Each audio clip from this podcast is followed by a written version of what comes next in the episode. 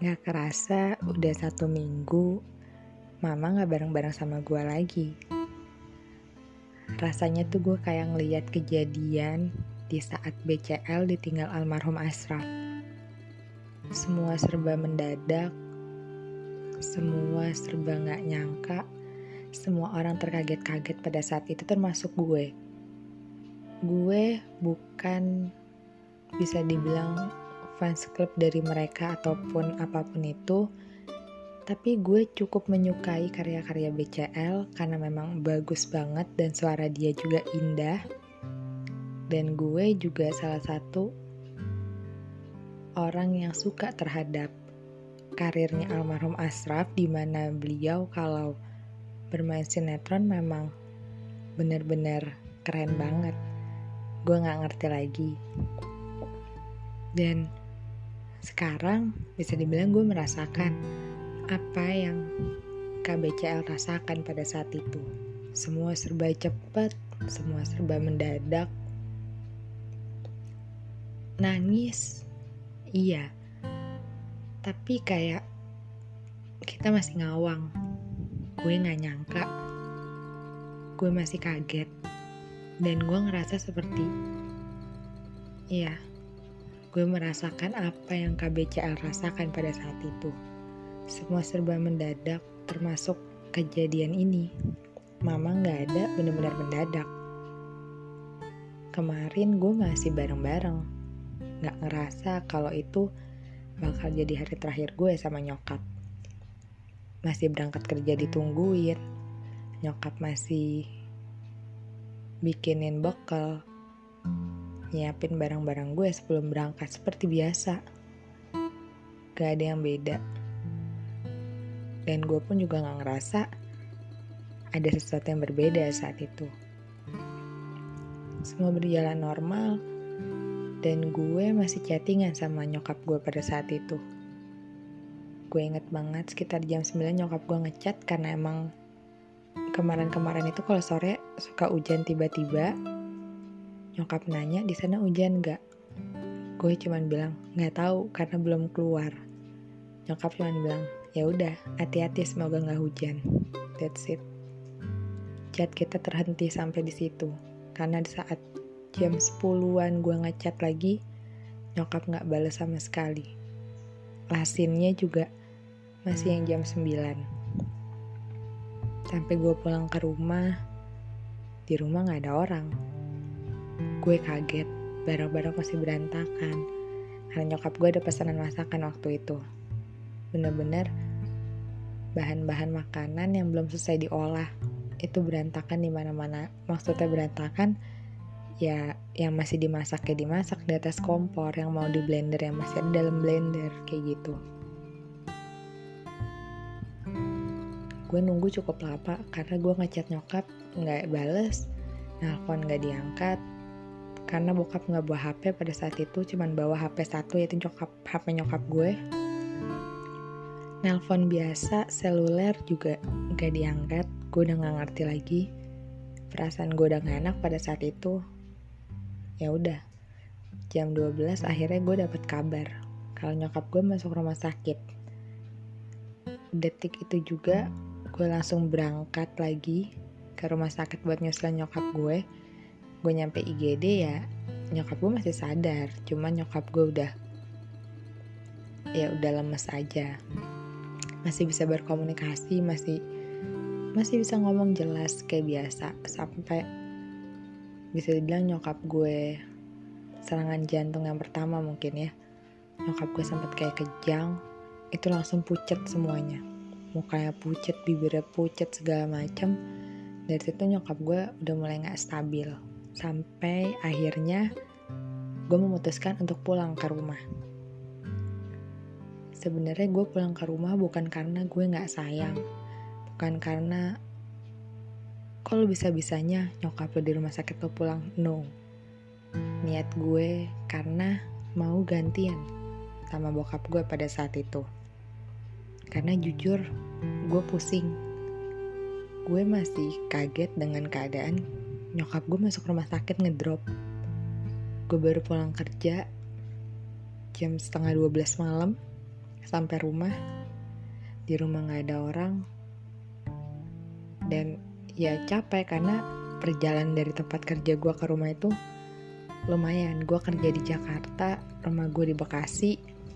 Untungnya gue nggak bawa motor sendiri gue naik ojek. Jadi kayak ya capek juga gitu akhirnya mereka berdua setuju ya udah gantian gue yang pulang. Kenapa gue minta gue yang pulang? Karena nyokap gue nggak mau ditinggal sama bokap gue. Sorry maksudnya nyokap gue nggak mau kalau bokap gue pergi ke mana-mana. Karena saat bokap gue ke toilet aja bentar nyokap langsung papa mana? Papa mana?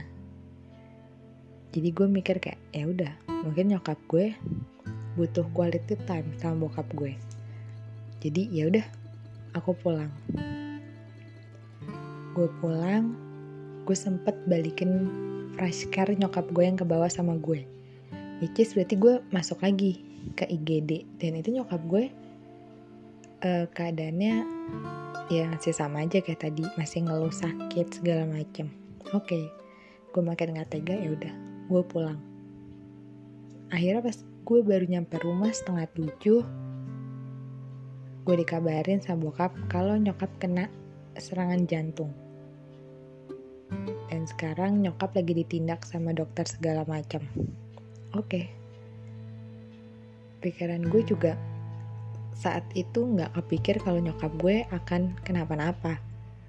Ya udah aku akan ke sana. Gue gituin aku ke sana aku nunggu ojek. Oke okay, kata bokap gue. Gak nyampe 30 menit Bokap gue nelfon lagi. Gue gak feeling gak apa Cuman pasti ada yang gak beres. Tiba-tiba bokap gue cuman bilang Mama gak ada. Di situ Gue kaget. Gue gak nyangka. Gue pun juga nggak ngerespon langsung nangis pada saat itu karena memang kayak semuanya cepet banget. Kayak otak gue nggak bisa mencerna semua itu. Jadi gue nggak langsung nangis. Gue cuma bilang hah? Hah? Gue cuman kayak gitu bokap gue juga udah berat suaranya di sana. Ya udah sampai akhirnya ya gue nangis juga. Dan gue langsung ngabarin tetangga-tetangga di dekat rumah gue yang emang uh, mereka udah deket banget sama keluarga gue. Jadi mereka orang pertama yang gue kasih tahu. Dan mereka kebetulan memang niatnya hari ini mau ngejenguk nyokap gue pagi ini. Memang udah niat mau berangkat ke rumah sakit sebentar lagi. Tapi keburu dapat kabar kalau nyokap gue nggak ada. Jadi ya sudah. Akhirnya mereka nemenin bokap gue ke rumah sakit karena bokap gue bilang ya udah kamu di rumah untuk nyiapin semuanya. Oke okay, gue standby di rumah dan apa ya? Mungkin dengan gue bercerita seperti ini gue bukan bermaksud untuk bikin kalian sedih atau mungkin bikin kalian juga merasa teringat dengan keluarga kalian yang udah nggak ada, entah itu papa, mama, atau kakak ataupun adik, siapa pun itu nggak sama sekali. Cuman mungkin dengan cara ini juga salah satunya untuk gue supaya lebih kuat. Karena kalau gue tetap mendem ini semua segala macam, yang ada sakit di gue nya. Gue nggak bisa bangkit, gue nggak bisa move on yang setiap orang nanti nanya setiap nanti ketemu orang stranger yang nggak tahu tentang kehidupan gue sekarang pasti akan nanya gimana nyokap bokap lo? Dan gue belum tentu kuat untuk kejawab kalau nyokap gue udah nggak ada. Karena gue tidak terbiasa untuk apa ya menceritakan itu kembali nge-share itu kembali. Jadi kayak buat gue masih sakit dan masih berat. Tapi kenapa gue memaksakan? Tapi gue gak memaksakan kenapa sekarang gue berani ngomong dan gue berani bercerita di podcast gue? Ya mungkin ini juga salah satu jalan dan cara gue supaya gue terbiasa dengan ini semua. Karena di saat nanti gue balik lagi kerja lingkungan kerja gue nggak tentu semua orang tahu dan nggak tentu semua orang notice. Jadi kemungkinan-kemungkinan ditanya tentang keluarga atau apa pun itu itu mungkin aja terjadi dan kalau gue masih belum siap untuk menjawab pasti gue akan selalu nangis dan gue nggak mau itu terus-terusan. Karena jujur almarhum abang gue aja yang udah hampir 8 tahun meninggalkan gue sampai detik ini pun gue masih suka nangis. Bukan karena kenapa sih lo meninggal enggak. Tapi gue ngerasa gue sendiri dulu waktu masih ada almarhum abang gue gue bukan gak punya sahabat, sahabat punya, tapi apa pun gue pasti cerita ke abang gue walaupun abang gue ya gimana ya naluri seorang kakak yang ya udah yang jahil yang suka ngeceng-cengin segala macam itu selalu cuman gue selalu cerita sama abang gue. Kayak gue di sekolah ngapain gue punya teman siapa di sekolah gue sibuk apa gue lagi senang apa tuh gue pasti cerita sama abang gue di saat gue juga berantem sama teman gue gak suka sama teman gue gue pasti akan cerita sama abang gue. Dan itu tiba-tiba abang gue nggak ada juga terpukul lah gue. Dan ternyata begitu menjalani hidup setelah hampir 8 tahun gak ada abang gue gue baru merasakan bahwa oh rasanya nggak ada kakak tuh seperti ini. Lo nggak punya teman cerita lo sendirian. Bener-bener lo harus survive nggak ada yang ngedukung. Dari gue pribadi ya bukan berarti keluarga besar dan sahabat-sahabat gue nggak ngedukung nggak nggak sama sekali. Tapi itu dari pandangan gue yang gue biasa hidup sama kakak gue gitu. Apa ya dijagain diperhatiin sama abang gue gitu. Ketambahan sekarang nggak ada nyokap gue double combo sebenarnya. Sakitnya gue hancurnya gue tapi mungkin beberapa orang nggak akan tahu itu. Karena gue pun juga sebenarnya tidak menunjukkan itu ke semua orang bahwa sebenarnya gue rapuh. Dengan gak ada nyokap gue hidup gue sebenarnya runtuh. Karena Gak adanya abang gue pada saat itu, separuh hidup gue runtuh. Separuh.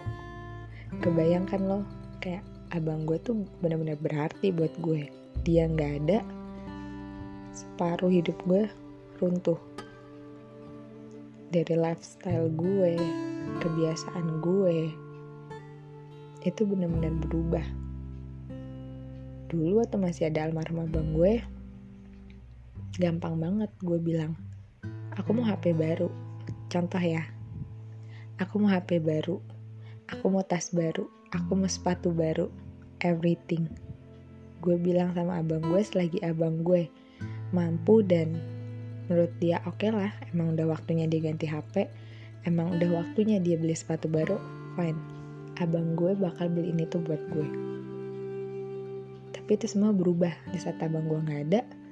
Semua keinginan gue harus gue penuhin sendiri. Karena nyokap gue membiasakan HP itu bukan kebutuhan yang primer. Sepatu, tas itu bukan kebutuhan yang primer. Jadi kalau kamu pengen, kamu harus usaha sendiri. Kamu nabung sendiri. Dari situ, hidup gue udah berubah. Yang biasanya gue selalu ada teman sharing, teman cerita, teman ribut, teman berantem. Di saat gue lagi bete, mungkin sama orang tua gue ada abang gue tapi setelah itu gue cuma bisa diem. Gue cuma bisa cerita sama sahabat-sahabat terdekat gue. Dan sekarang nyokap gue juga udah gak ada. Jadi kayak makin drop dan gue bersyukur banget semua sahabat-sahabat gue yang dekat maupun yang sekedar teman gitu walaupun kita masih keep in touch segala macam mereka bener-bener baik banget. Mereka selalu bilang kalau lo butuh apa-apa lo chat aja lo kabarin aja.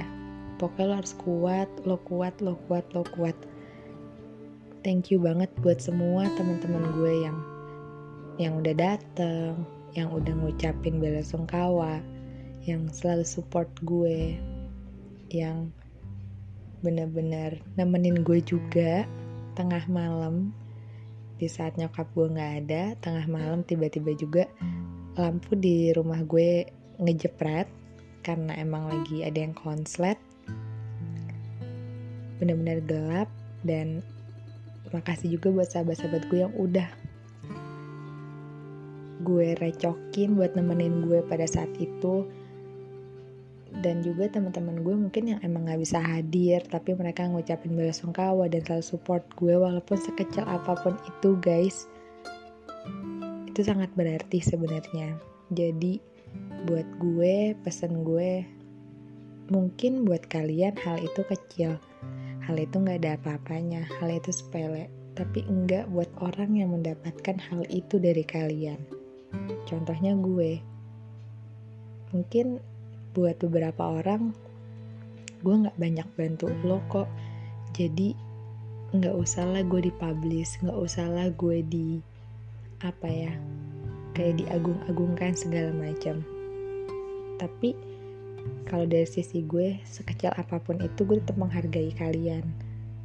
Karena ada kok orang-orang yang sebenarnya gue harapkan untuk ada di saat gue seperti ini malah mereka nggak ada ya wallah alam pasti kan mungkin mereka sibuk mereka nggak dengar kabarnya segala macam itu kemungkinan banyak tapi ada yang seperti itu. Jadi di saat kalian yang emang bener-bener keep in touch sama gue terus selama mungkin hampir seminggu ini full segala macam gue udah berterima kasih banget sama kalian. Karena kalau tanpa kalian mungkin gue nggak bisa sekuat ini.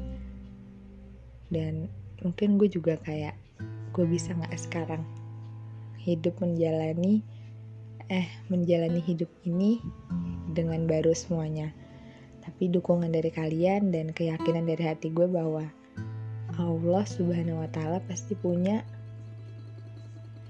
hal lain di balik ini semua. Ada alasan lain yang tinggal kita tunggu aja ke depannya kayak gimana. Jadi gue berterima kasih banget pokoknya sama kalian. Buat kalian di mana pun dan doain gue terus. Semoga gue tetap kuat gue tetap bisa menjalani ini dengan baik dan apa ya dan tabah sih. Pokoknya mungkin podcast ini agak beda karena gue nggak opening ya di awal jadi gue langsung aja. Uh, semoga kisah gue ini bukan menginspirasi juga sih tapi lebih kayak apa ya gue yakin teman-teman gue banyak kok yang udah kehilangan orang tuanya salah satunya atau mungkin dua-duanya gitu. Dan I feel you. Sekarang gue merasakan kalian. Jadi gue juga ngelihat dari mereka bahwa mereka survive. Mereka tetap bisa bahagia tetap bisa apa ya kasarnya hangout bareng teman-temannya. Walaupun mungkin itu juga nggak mudah buat mereka tapi mereka bisa bangkit lagi dan itu yang mau gue contoh dari semua teman-teman gue yang merasakan hal yang sama kayak gini. Jadi pokoknya itu aja deh. Dan terima kasih buat yang udah dengerin semua udah bantu doa juga. Semoga doa-doa kalian diijabah sama Allah Subhanahu wa taala dan kalian juga diberikan kesehatan terus karena keadaannya masih kayak sekarang. Pokoknya uh, dengerin podcast gue terus karena emang gue udah lama banget nggak update ya. Sekalinya update tapi kayak gini nggak ngenakin. Cuman kalian dengerin terus podcast gue. Stay tune terus yang buat kalian yang belum dengerin podcast-podcast sebelumnya dari gue bisa langsung aja didengerin jadi stay tune terus dan sampai jumpa